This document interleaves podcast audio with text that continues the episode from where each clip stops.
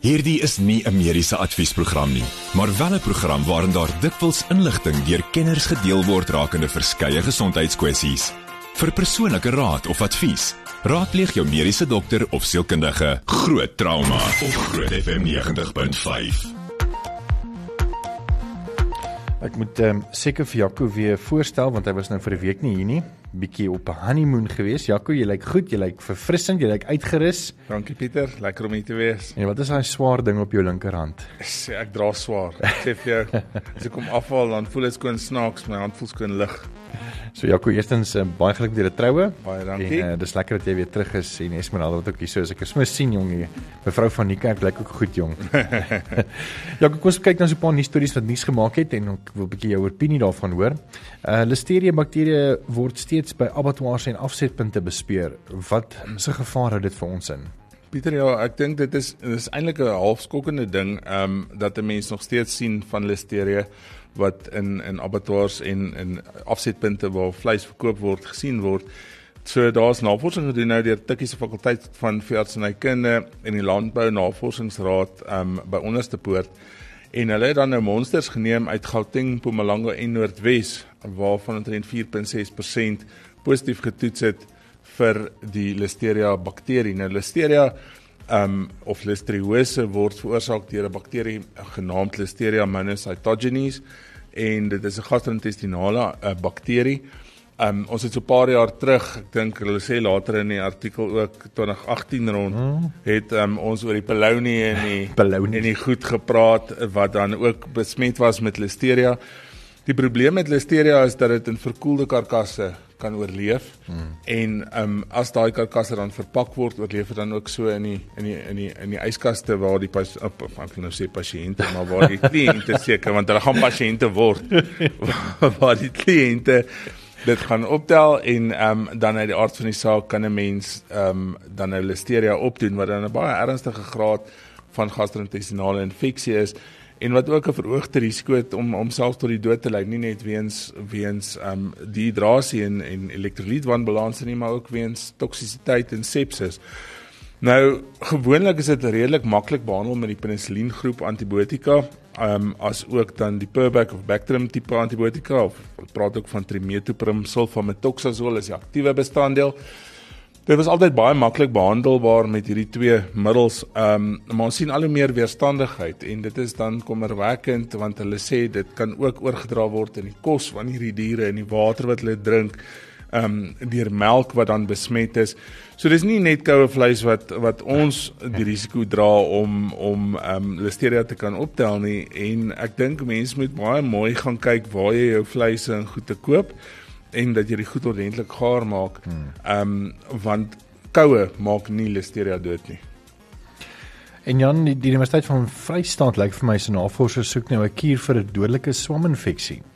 Ja, dit is eintlik 'n baie goeie storie ook en ek dink dit is goed om te sien universiteite nie net ehm um, sekere dele van die land nie, maar ook die kleiner universiteite soos soos die Universiteit van die Vrystaat se departement van mikrobiologie en biochemie ondersoek dan nou nuwe metodes om om swamme dan te behandel, ehm um, eers te voorkom en dan te behandel. Ehm um, hulle praat van hospitaalverworwe infeksies spesifiek en dis ook genoem nosokomiale infeksies. Dis waar jy opgeneem word en dan ehm um, in die hospitaal basies jou jou swaaminfeksie opdoen.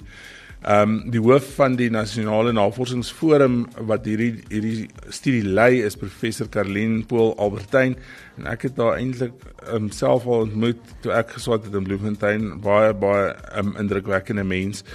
Ehm um, sy sê die syfers is skokkend vir die swaminfeksies ehm um, wat dan nou in die hospitale opgedoen word en baie van hierdie swamme is op oppervlaktes in hospitale waar mense net daarin raak en dan so van een na die ander toe versprei. Nou hulle werk tans op 3 tipes van van swamme wat die eintlik die algemeenste is. Candida spesies en almal ken van die Candida albicans wat die gewone velinfeksies veroorsaak. Maar in die hospitale kry ons 'n uh, ander uh, swam spesies met die naam van Candida auris wat 'n baie weerstandige ding is. So as iemand met Candida auris besmet is, is sy kans om te sterf redelik groot. Die ander ding is met eh, ons land wat 'n verhoogde insidensie het van HIV pasiënte of ander immuunonderdrukkende siektes. um, is daar 'n swam met die naam van Cryptococcus neoformans wat 'n spesifieke affiniteit het vir die brein en veroorsaak breinvliesontsteking in hierdie mense wat dan die res van hulle lewe behandeling moet ondergaan as hulle dan nie sterf nie. Ehm um, daar's 'n paar ander swamme ook, maar die die die groot ding is swammiddels in Suid-Afrika is vrek vrek duur. Swammiddels is nie so algemeen beskikbaar nie en ons sien 'n verhoogde uh, uh, insidensie vir die weerstandigheid van hierdie swammiddels en ek dink dit is 'n baie goeie studie om te kyk wat kan ons doen om hierdie swam probleem uit te sorteer want dit is een van die grootste oorsake van dood. Selfs selfs na groot operasies maak nie saak wat jy doen nie in hospitale. En uh Ek moet ook sê dat uh, Vrystaat Universiteit is ook ons jou almal mater nê. Nee. Dit is hy. en en jy het op ons BSc geswat. Ek het en, eers dit gedoen in in daai selfde departement microbiologie en biochemie. Oh wow. En toe na dit gaan dokter swat. Toe ek ja. nou ja, toe. Maar ons net nou terug nog 'n bietjie selfs oor hoe jy jou niere kan beskerm en wat 'n belangrike rol jou niere speel en dan ook bietjie later in die program gaan ons bietjie gesels uh, met iemand oor depressie en ook uh, oor demensie so bly gerus ingeskakel daarvoor. Onthou vra vir Jaco en enige van die programme as enige mediese vrae het, is nou jou tyd. WhatsApp ons op 061 610 4576 onthou standaard tariewe geld.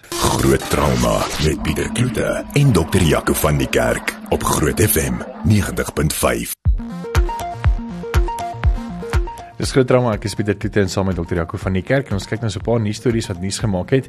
Jy kan ons artikel op netwerk ag op uh, marulamedia.co.za wat um, gaan oor hoe jy jou niere kan beskerm. Uh, eerstens, hoe belangrik is jou niere vir jou liggaam? Wat beheer dit alles en uh, hoe beskerm jy jou niere?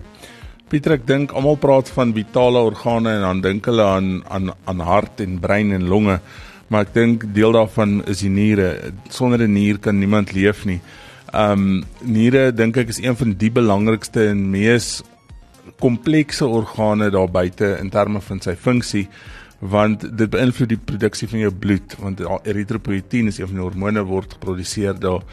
Dit be, beïnvloed jou hele elektrolytbalans jou natrium jou kalium al jou soutte ehm um, dit beheer al die uitskeiding van jou afvalstowwe. Dit beheer jou beenmetabolisme want dit kan jy kan kalsium ensovoorts verloor Dit beheer eintlik letterlik alles. Dit beheer jou bloeddruk. Die meeste van die bloeddrukpille ehm um, daar buite werk op die nier en ek dink sonder goeie nierfunksie ehm um, het ons nie 'n kwaliteit lewe daar buite nie. Ehm um, so ja, ek dink die niere is ongelooflik belangrik en ek dink is een van die belangrikste organe en die nie die belangrikste orgaan om 'n goeie kwaliteit lewe te hê nie.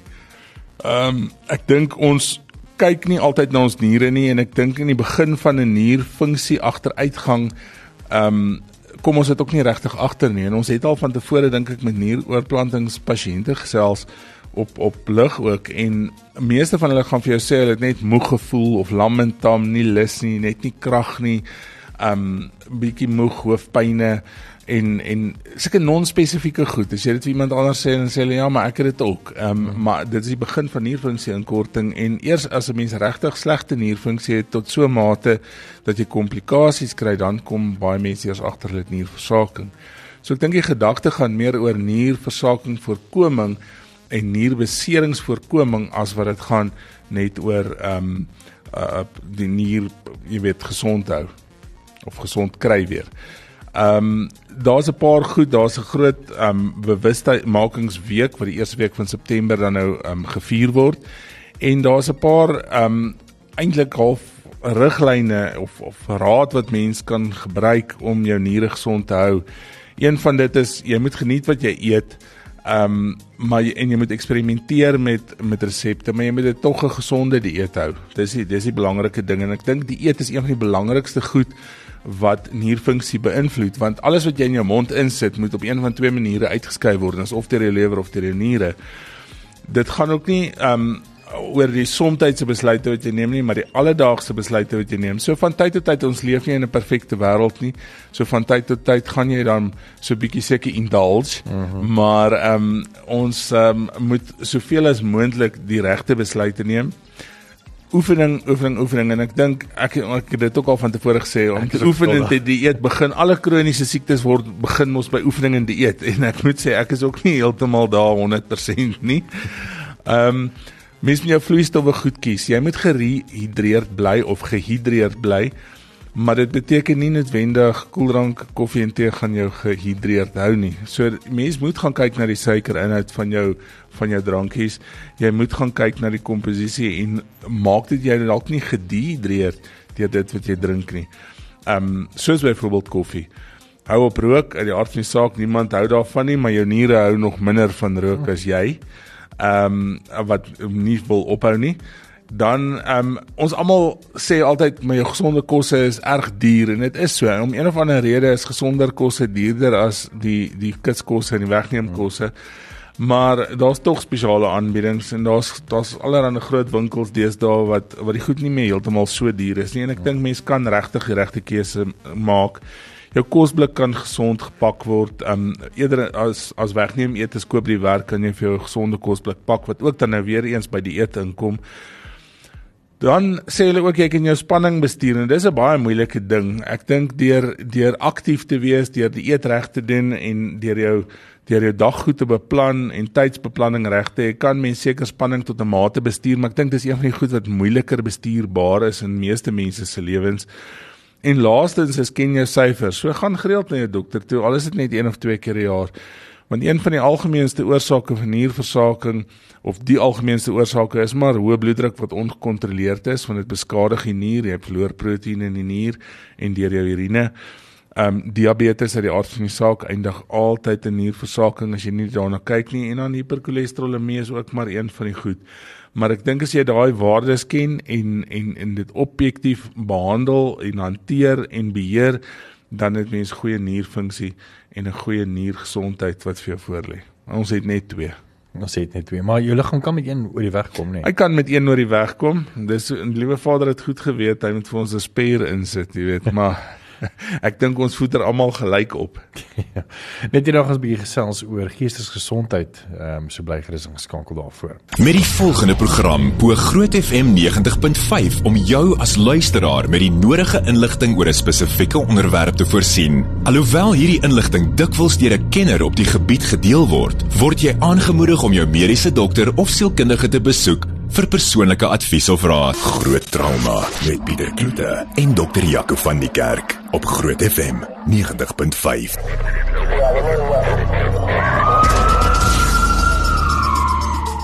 Dis is 27 minute oor 8. Baie welkom. Ek is Pieter Kloete en saam met dokter Jaco van die Kerk en ek gaan nou ons gas aan ons voorstel. Ek net noem uh, baie dankie vir die vrae wat ingestuur is. Ons gaan definitief aan die einde van die program daarna kyk. Daar's 'n paar goeie vrae. So moet asseblief nie uitskakel nie. Ons gaan vir jou vraag beantwoord bietjie later. Dan sê iemand ook hier so goeie naam. Ons het hier in Boysens Pretoria al 4 ure gehad, net na 15 minute krag weer af en uh, mense weet nie waar of wat is dit nou of nou load shedding is en so nie. Ons is nou lekker gat vol. Ehm um, ja, dit medies kan ons ongelukkig nou niks daaromtrent doen nie. Ehm um, maar ek dink ehm um, dit dit raak nogal mense siege, jy weet. Ek, ek dink dit, dit is nou waar ons nou 'n bietjie vanaand gaan gesels, Jaco. Ek dit maak ons almal depressief, meer as net uh, moeg daarvoor. Ja. Nou in die ateljee saam met ons is uh, Esmeralda uh, of Esmeter Blanche altans en uh, sy gaan onder JE Incorporated Esmeralda's Caring for Mental Health. En dis bietjie waar ons gaan gesels uh, vanaand. Ja, maar voor ons nou kom oor Esme en uh, wie jy is en en wat jy doen, jou eers jou persoonlike storie. Baie baie dankie vir die geleentheid en ook 'n hartlike goeienaand aan al die luisteraars. My pad het begin seker so ongeveer 3, 4, 25 jaar gelede, onwetend wat eintlik die pad sou inhou. En um, ek sal nooit vergeet nie my oudste seun geskan psigiater toe gevat, gesit en gediagnoseer met hierdie verskriklike lang naam, aandagtekort sindroom.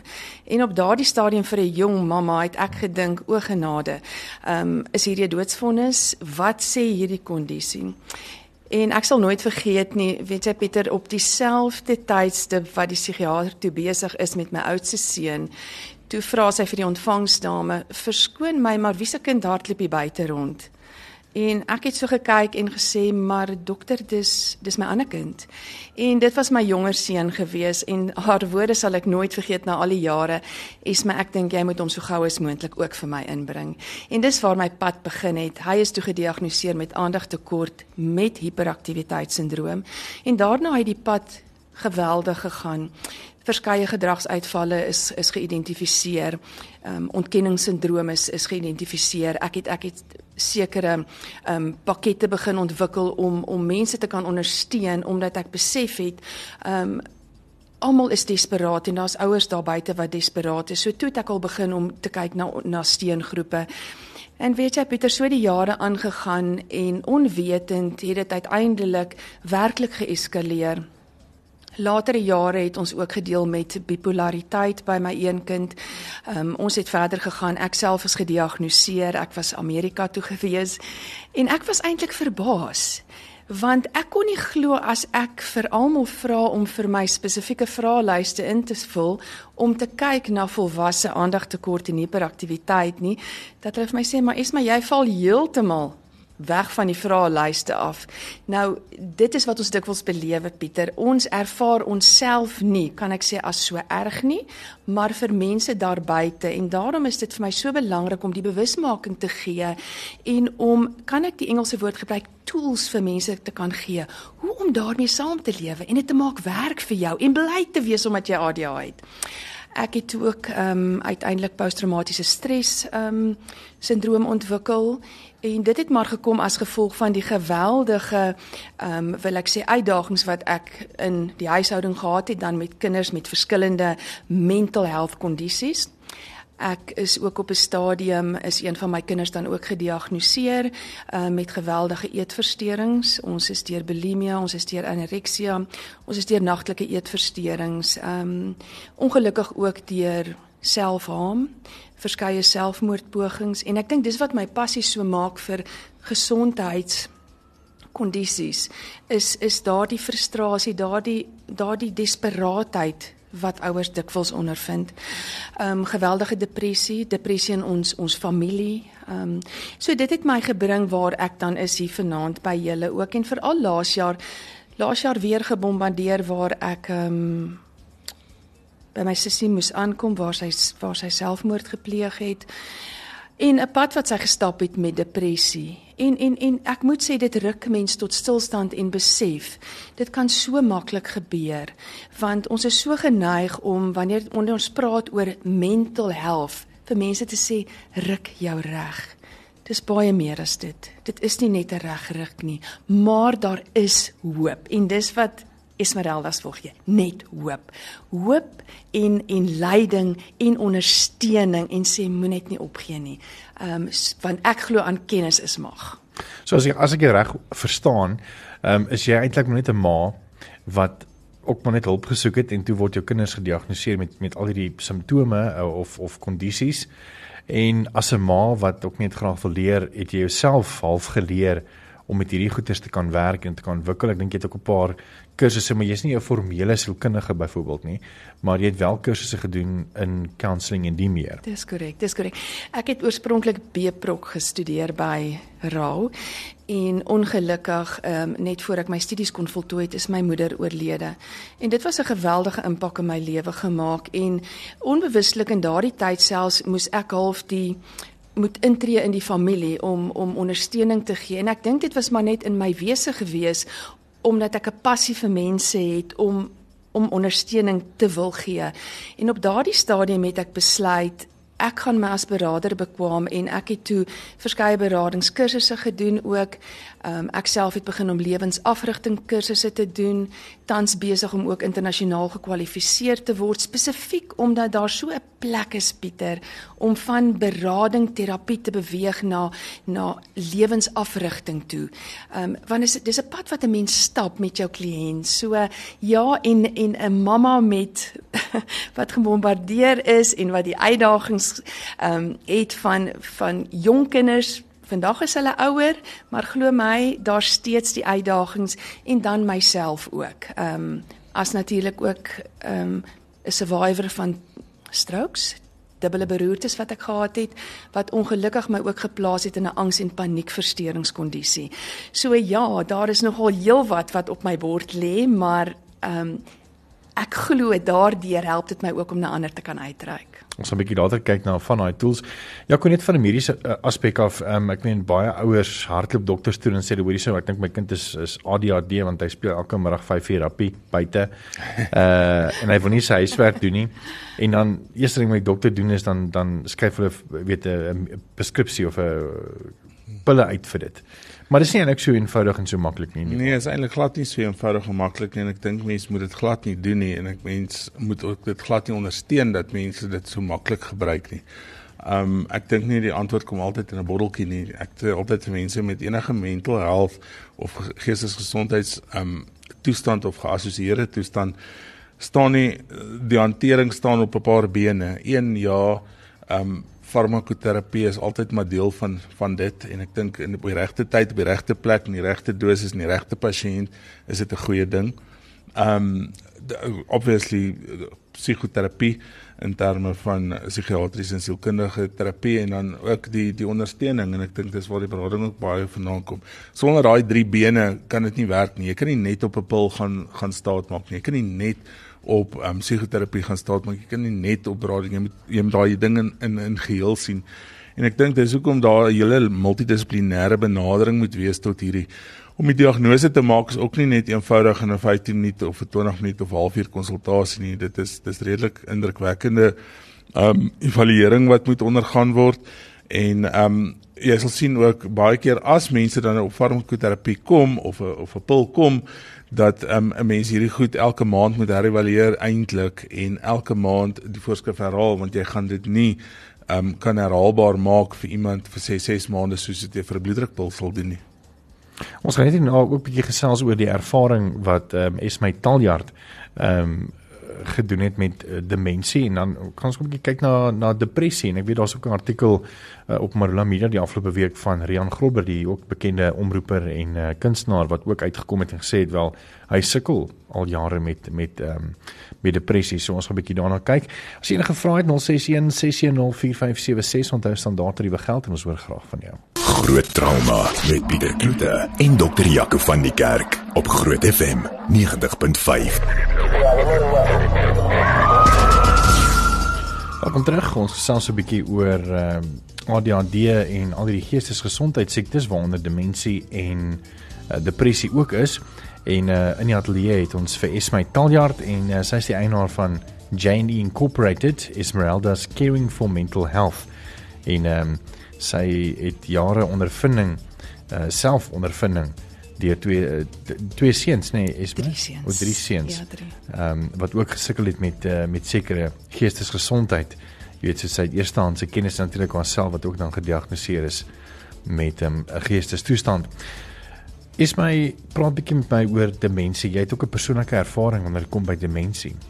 Dis dis reg Pieter. Ehm um, en dit lê my ook baie baie naby in die hart en eersens wil ek sê Ehm um, baie dankie ook vir dokter Jaco wat hy gesê het. Ek dink dit is so 'n belangrike boodskap dat daar is nie net 'n een eenrigtingstraat met geestesgesondheid nie. Dis 'n absolute wat ek glo multiholistiese approach. En dieselfde wanneer ek gaan kyk na na demensie. Ek is nou die afgelope tyd, afgelope 5 jaar het ek my pappie bygestaan wat ek ehm um, dan uiteindelik wat laas jaar oorlede is met demensie en en my pappa het ook van 'n plek af gekom hy self was hy was die geendraer van die ADHD met die gevolge dit was vir hom verskriklik moeilik. Um, op die ouderdom van 90 is hy dan laas jaar oorlede. Dit is 'n ongelooflike uitdaging. En ek moes baie leer daaroor Pieter. Eerstens moes ek moes ek besef het dat 'n pasiënt en en 'n geliefde met demensie dink anders, ervaar die wêreld anders. Um elke aand het ek vir omtrent 13 maande by my pappie se bed gewees en ure by hom gespandeer. En ek moet sê 'n ou moet jouself voorberei daarop ook want elke aand het ek dieselfde vrae gehoor. Daar was baie aande wat ek regtig getraumatiseerd was dat ek dat ek so gehuil het omdat aand na aand is ek by my pappie se bed en dan sal hy sê maar hoekom is jy nooit hier nie? Jy jy kom besoek my dan nooit nie. Maar dan was ek 7 ure die naweek daar op 'n Saterdag op 'n Sondag en dit maak dit verskriklik moeilik. En Pieter, een van die groot dinge wat ek geleer het is dat ons moet onsself absoluut toelig om te verstaan hoe reageer 'n pasiënt, 'n geliefde met demensie. Dit help nie om met hulle te stry nie. Dit help nie om vir hulle te sê maar papi, ek het vir mos vir papi gesê. Daardie ek het mos gesê bestaan net nie vir hulle nie. Die langtermyn geheue Pieter was goed. My pa kon onthou van sy lewe in 1945 tot in detail. Maar die die hier en nou, die van gister, kon hy eenvoudig net nie onthou nie. En en dit plaas enorme trauma binne ou se eie siege. Jy voel so magteloos. En en weer eens, ehm um, daar's nie medikasie wat dit gaan wegvat nie die medikasie wat gebruik word ook vir my in my pappie se geval was dit het dit maar net uitgestel. Dit het dit maar net prolong want uiteindelik het ek gesien hoe gaan hy agteruit en die frustrasie wat dit vir hom ook gebring het en die aggressie ook was geweldig. Die ander iets wat ek graag sal wil deurgee is om om daar te beleef die die kan ek sê halusinasies wat hulle kry. Ehm um, sy hondjie wat op sy bed lê, um, om te sien hoe beweeg die goed in die kamer, dan ons in Afrika, dan's daar iemand in die kas en ek wil amper sê ek moes saam speel. Want dis al hoe ek my papi kon gemaklik maak in sy fases van demensie. Dis dis dis werklik moeilik. Ehm um, veral wanneer hulle begin doek dra, wanneer hulle ook begin om ek wil amper sê hulle mense waardigheid te verloor. En my boodskap sal net wees: wees daar, reik uit, gee liefde. Ek wil amper sê luister meer as wat jy praat en hoor net wat jou geliefde vir jou sê. Jaco, wat is jou ervaring met uh, persone met demensie? Is dit 'n moeilike diagnose om te maak?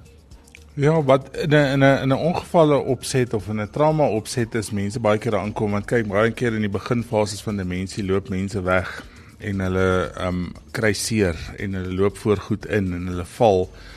Um so jy kry 'n persoon basies in 'n hospitaal wat jy glad nie ken nie en jy moet onderskei is hierdie demensie of is hierdie delirium. En 'n mens moet daai mooi onderskei want delirium is 'n fisiologiese toestand met of of omkeerbare oorsake. En en daar's verskeie goed wat ons na kyk. Ehm um, dis nou 'n baie lelike term wat ons gebruik, maar ons gebruik die die afkorting DIMTOP want mense voel so half dim ehm um, neurologies. En DIMTOP staan vir die D staan vir die oorsake vir delirium nou is is drugs en en drugs is nie net die die die onwettige middels nie, maar ook geneesmiddels wat mense kan de mekaar maak. Sekere geneesmiddels kan definitief as by komplikasie of neeweffek in deurmekaarheid of delirium veroorsaak. Die I van DIMTOP staan vir infeksies. In baie ouer persone, veral vroue, kry urineweginfeksies en dit het dan na elektrolytwanbalanse, natrium gaan de mekaar en hulle is deur mekaar. Is dit delirium is dit demensie? Ehm um, die M staan vir metabooliese abnormaliteite en dis ook maar al die soutte en die pH vlak van die bloed ensovoorts wat mense dan nou toets uit die aard van die saak. Die T staan vir toksine en dis nie net gif of of of iets objektief wat in terme van wat uh, intentioneel giftig uh, inname is nie maar enige ding wat toksies vir die stelsel is wat ingeneem is wat dit ook kan veroorsaak. Ehm um, of timore, timore kan dit ook wees, deel van die T. Ehm um, breintimore, sekere breintimore veral in die frontale lob van die brein kan ook vir jou so presenteer. Baie keer sit jy met met 'n persoon wat ehm um, regtig waar net die mekaar praat en hy sit met 'n met 'n met 'n groot breintumor. Ehm um, die oë staan vir 'n suurstoftekort en ons sien dit baie keer met met jou jou emfyseem of kroniese obstruktiewe lugweegsiekte pasiënte waar die suurstofvlakke net onder 'n sekere vlak gaan en hulle begin so de mekaar raak en dis ook progressief soos wat demensie progressief is maar jy moet daai oorsaak gaan uitsorteer en P staan vir psigologies of psigiatries en en dis waar mense dan nou hierdie oorvleeling kry van tussen delirium en demensie. Maar as mens gaan kyk na demensie, daar's soveel verskillende tipes en verskillende grade en verskillende stadia daarvan. Um dis eintlik 'n gesprek op sy eie, maar demensie in kort is 'n is 'n kroniese agteruitgang van jou funksionering of jou neurologiese funksionering en dis 'n progressiewe agteruitgang van van jou funksionering. So daar's nie noodwendig 'n mediese oorsaak wat jy kan omkeer fisies om daai persoon beter te kry nie. Dis absoluut 'n progressiewe toestand.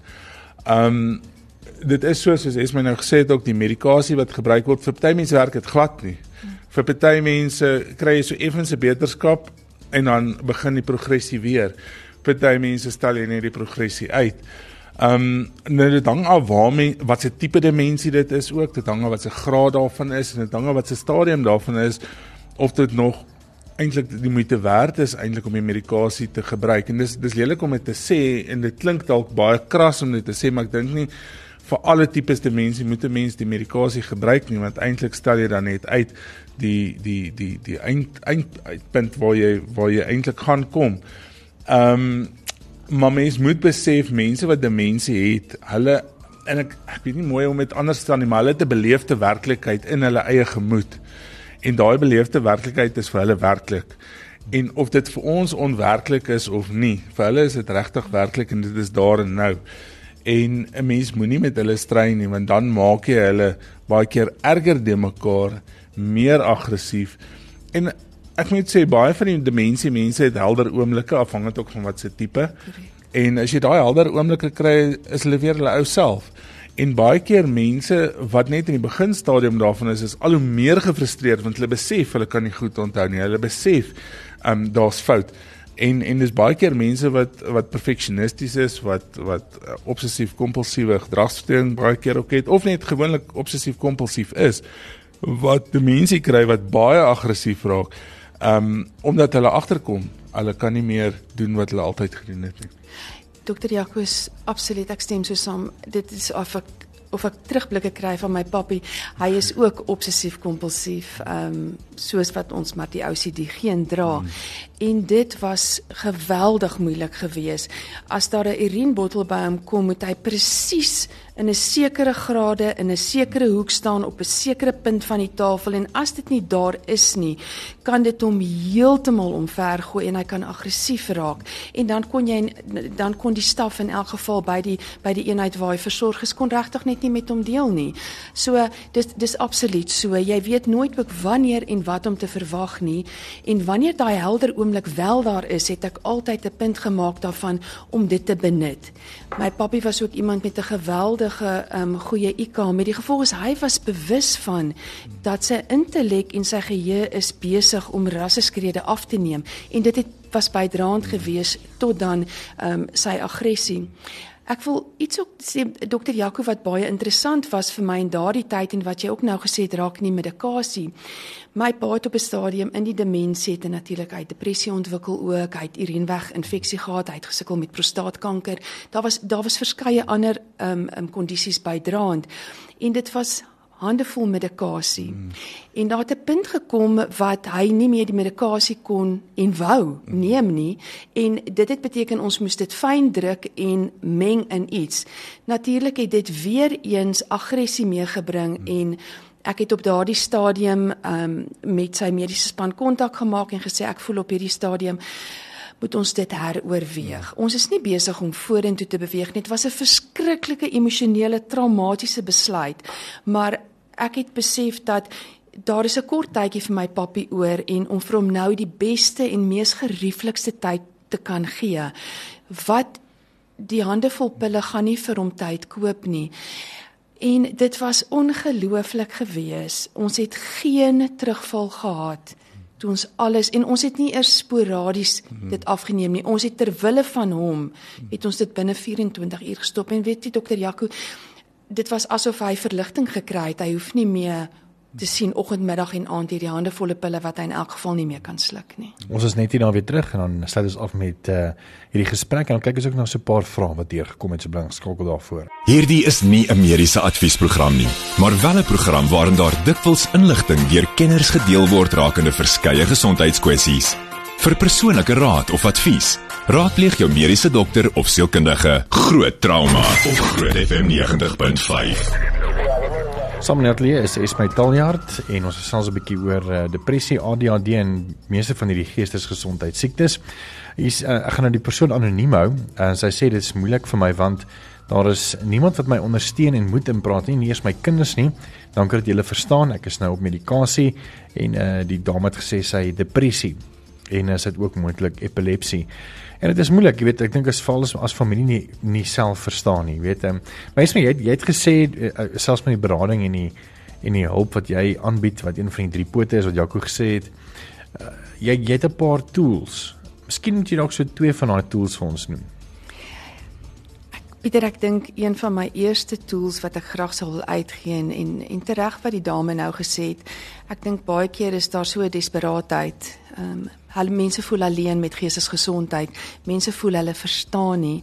Ek dink een van die verskriklik belangrikste is om jouself te aanvaar en te besef dat jy is oukei. Okay daar is hulp daar buite. Ek dink dit is 'n verskriklik belangrike tool dat jy nie begin twyfel in jouself nie en dink omdat ek 'n sukkel met 'n geestesgesondheidstoestand, gaan ek dit nie kan oorwin nie. Dis vir my 'n verskriklik belangrike tool.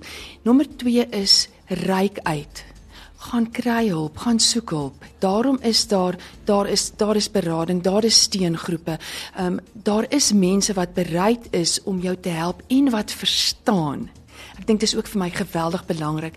En 'n belangrike ander komponent is ons het nodig om te kyk na ons gesondheid en daarmee bedoel ek kyk wat jy eet. Kyk na na jou na jou oefening. Ek weet dit is nie altyd lekker as jy in hierdie diep donker gat is nie, maar ek dink om elke dag op te staan en 'n klein klein doelwit vir net jou dag te hê, want vir iemand met depressie is 48 uur te lank. 'n doelwit in 48 ure is te lank en en dis daar waar ons as as life coaches kan help om sulke mense doelwitte te gee en hoop te gee. Is my Taljaard en sy son Janie Incorporated is Merelda's Caring for Mental Health en jy kan sommer op Facebook gaan soek. Um, is my baie dankie vir jou insette vanaand ook en ook dankie vir jou storie. Baie baie dankie. Dankie vir die geleentheid. Dankie dokter Jaco. Jaco, ehm um, so 'n paar vrae wat jy gekom het. Uh, iemand sê so, "Haai, wat is beter, 'n mediese fonds of hospitaalplan?" Ek dink die belangrike vraag is wat is 'n mens se se gedagte en wat is jou behoefte? Uh hospitaalplan is goed vir as jy dan in hospitaal meeste van die van die goed doen, maar die probleem is as jy in 'n ongeluk byvoorbeeld kom of jy gaan ongevalle toe of jy jy word buite hospitaal siek Byvoorbeeld in 'n ongeval, as jy in 'n ongeluk kom en jy kry 'n CT scan, daai CT scan word nie deur die hospitaalplan gedek nie. Hmm. En mense moet dit weet.